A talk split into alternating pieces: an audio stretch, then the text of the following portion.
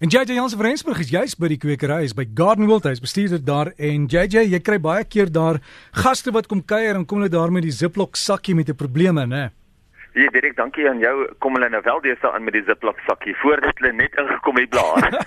ja, en weet jy, JJ, daar's baie van die goed wat op daai blare is wat dan soos jy loop, die die spore kan afwaai en op ander plante versprei en ons koop dit en dan neem jy daai siekte huis toe. So jy moet maar pas op met die goed, né? Ja, nee, die spore, die insekte, die wat ook al daar is. Jy weet baie keer is, daar nie genoeg natuurlike vyande vir daai insekte nie of baie keer kan mense dit net nie um, onder beheer kry nie. So, dis altyd beter as mense dit wel in 'n ziplock sakkie bring, want jy weet hulle sê dis mos maar hoekom die siektes deesdae so wêreldwyd so vinnig versprei, is omdat mense heen en weer kan vlieg van een land na 'n ander land en hulle bring gou net 'n blommetjie saam, maar hulle weet nie altyd wat hulle saam met daai blommetjie saambring nie. Baie baie baie waar en dis hoekom sekere lande so streng is en hulle kan jou tot in die tronk gooi as hulle jou vang. Ja, nee, ek het al gehoor van baie lande wat deesdae dat jy jou skoene uittrek en jy moet jou skoene onderskoon maak, huh? jou beld afval en weet jy wat nog alles nie. Ja, en as jy Australië toe gaan dan is daar honde wat ryk of jy nie biltong inbring nie, hoor. Sal nie saak wat nie. Nee, nee, nee, nee. Goed, JJ paar vrae by SMS lyn deurgekom. Iemand het 'n probleem met breeblaar onkruid. Ehm um, die breeblaar onkruid sal teen teen in 'n breeblaar onkruid in die graswerk self wees. Nou daar is verskeie produkte wat 'n mens daarteen kan gebruik. Ehm uh, een van hulle is nou maar jou super lawn weeder, maar 'n mens moet baie versigtig wees as 'n mens onkruiddoders gebruik veral op jou grasperk.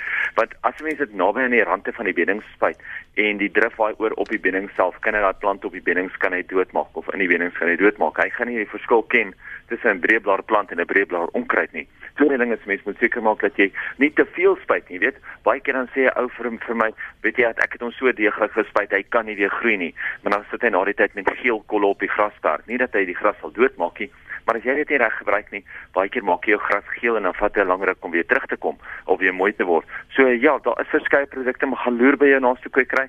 Ek sou 'n super lawn weeder aanbeveel het. Prime dra nie en vye val af. Hoe gemaak JJ? Prime wat nie dra nie kan wees as gevolg van twee goed. Dit kan wees dat hy nie genoeg ehm um, water gekry het of kom ons sê drie goed. Nie genoeg water gekry terwyl hy geblom het nie. Uh want as hy blommetjies nie genoeg water kry nie, kan hy nie bestuif word nie en dan kan hy nie vrug vorm nie. Dan kan dit daar dan natuurlik 'n tekort aan insekte wees want sou jou um, jou jou jou insekte moet maar die plante kruis bestuif tussen mekaar want daar is verskillende tipe of variëteite pryme wat mekaar moet kruis bestuif so as daar nie genoeg insekte is of as jy nie 'n tweede boom het wat wel met hom kan kruis bestuif nie dan sal hy nie so goed dra nie. En dan 'n derde een kan wees net die voeding. As jy nie vir jou plant genoeg kalium gegee het nie iets soos byvoorbeeld 'n 315 of 'n 815 iets van daardie aard. Onthou die 5 aan die einde gee vir jou blomme en vrugte en algemene krag. So onthou om iets te gebruik wat hoog is in kalium, dan gaan hy jou plante vir jou voer en hy sal die plant genoeg krag en energie gee om al daai vrugte te kan vorm. Hm. En dan die vye wat afval JJ? Vye wat afval, weet jy, dis 'n wêreldwye probleem wat mense nou agtergekom het. Ehm um, dat dit eintlik 'n fungus is wat hom aanval.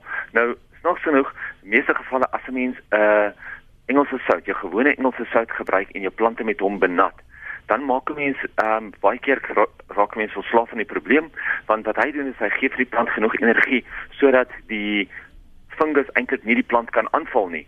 So as jy wel daai probleem het, probeer 'n bietjie Engelse sout om die plant een keer elke 3 maande, gooi sommer so 2 of 3 eetlepels vol in 20 of 30 liter water en jy gooi die plant sommer daarmee nat. Dan weet jy dat hy genoeg minerale in hom het wat eintlik jou plant gesond gaan maak. Ja, en JJ meer is nie altyd beter nie, né, van Engelse sout. Nee, meer is nie altyd beter nie. Is om baie keer is dit net 'n mors. Jy weet, baie keer dan sê mense vir my, maar as ek ekstra ekstra ekstra gooi, weet jy wat jou plant kan net soveel um, absorbeer. Jy kan vandag kan jy 3 beeste gaar maak, maar jy gaan net een stytjie kan eet. Dis waar. so ja, nee, dit is nie altyd dit, dit is nie altyd goed om te veel te gooi nie. En dan 'n Nylstroom met Brenda 'n probleem met haar broodbome, sy sê hulle word geel. Dit kan ja, dit kan 'n paar verskillende redes wees. Die groot rede of die vinnigste rede wat nou mense kop te spring is natuurlik 'n tekort aan stikstof. So as jy kyk na ietsie soos byvoorbeeld 713 of jou gewone KN, uh dit het baie stikstof in hom. So 'n mens kan hom definitief met stikstof voer, Maar dan moet 'n mens ook pas op. Die droogte kan dit doen. As dit baie droog en baie warm is, dan kan dit wel doen.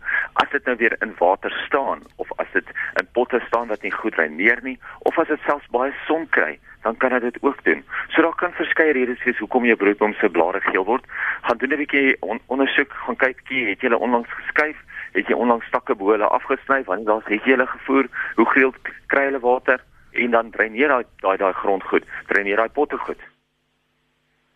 JJ? Ja, skus op, op jou lys, wat is op jou lys vandag? Hierdie tyd van die jaar is nogal heel interessant dat ek ook net toevallig begin met die potplante en die benatting daarvan. Jy weet baie keer dan vra mense vir my hoe gereeld moet hulle hulle potte nat maak?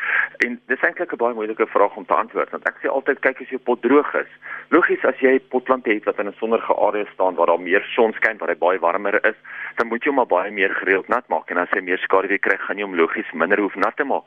Veral as mense nou kyk byvoorbeeld na potplante wat binne in die huis staan. As jy kyk na 'n badkamer, badkamer het baie meer vog in hom as wat 'n gewone sitkamer in hom het.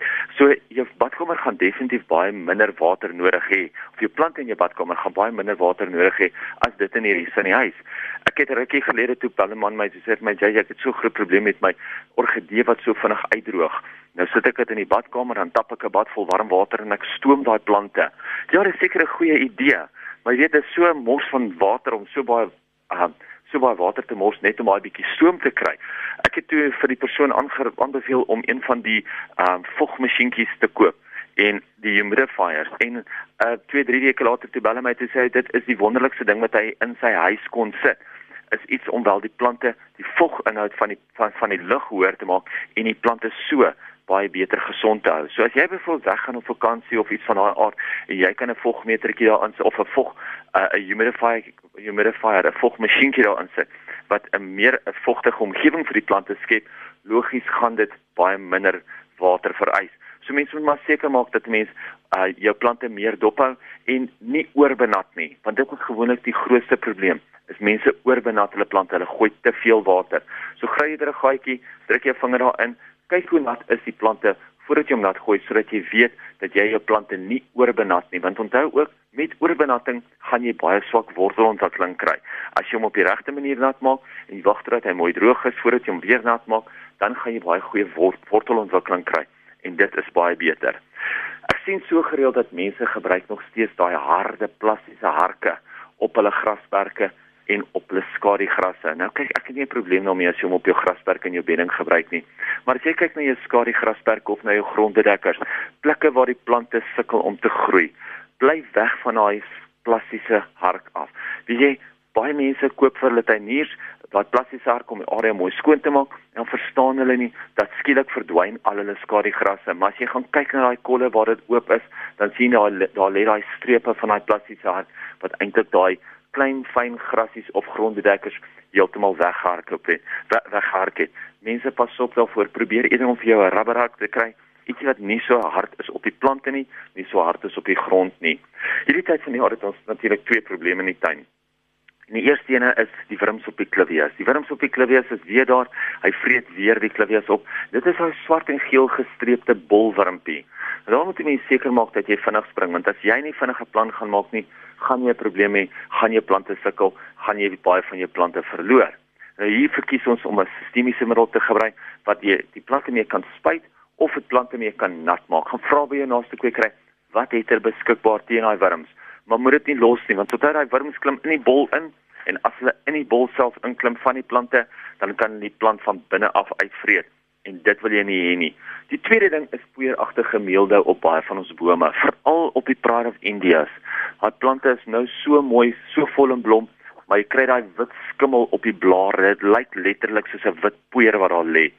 Kry vir jou 'n sistemiese fungusdoder en spuit jou plante daarmee. Ja, die boom sal nie vrek as jy dit nie doen nie, maar hy gaan jaar na jaar gaan hy terugkom en hy gaan dit al hoe erger raak. So ek sou eerder sê probeer om hom eerder onder beheer te kry spuit hom met 'n sistemiese fungusdoder een keer elke 2 tot 3 weke en dan weet jy dat jou plante so kan gesond hou. Die laaste enetjie vir vandag is ons plant van die week. En hierdie week wil ek graag praat oor Paxus Faulkner wat een van die Engelse boksplante is. Weet jy, dis een van hierdie wat ook in ons harte ingekruip het 'n paar jaar gelede toe mense gesien het dat hy is so 'n maklike immergroen digte struik wat 'n mens in enige vorm kan sny. Dis natuurlik waar die algemene naam boksplant vandaan kom.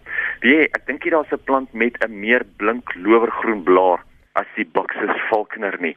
So as jy ergens 'n fillerplant of 'n heiningsplant of 'n potplant nodig het wat jy graag in jou tuin wil inplant wat 'n immergroen baie geharde plant is, dan kyk jy na jou Buxus falconer, gaan vra 'n bietjie vir jou naaste kwekery hoe lyk hy? Ongelooflike mooi plant om te plant, maklik om te groei en hy sal baie baie goed doen in so 'n enige tuin gaan loer 'n bietjie. En as jy dit nou gemis het die naam van die plant en hoe jy dit spel nou sê ek kan vir JJ epos hoekom nie is JJ by gardenworld.co.za. JJ by gardenworld.co.za en uh, as jy enige vrae het stuur vir hom en sterkte met die tuin maak en moenie water mors nie val in die Kaap. Ek hoop regtig daar kom baie reën sodat die tuine en alles kan groen word.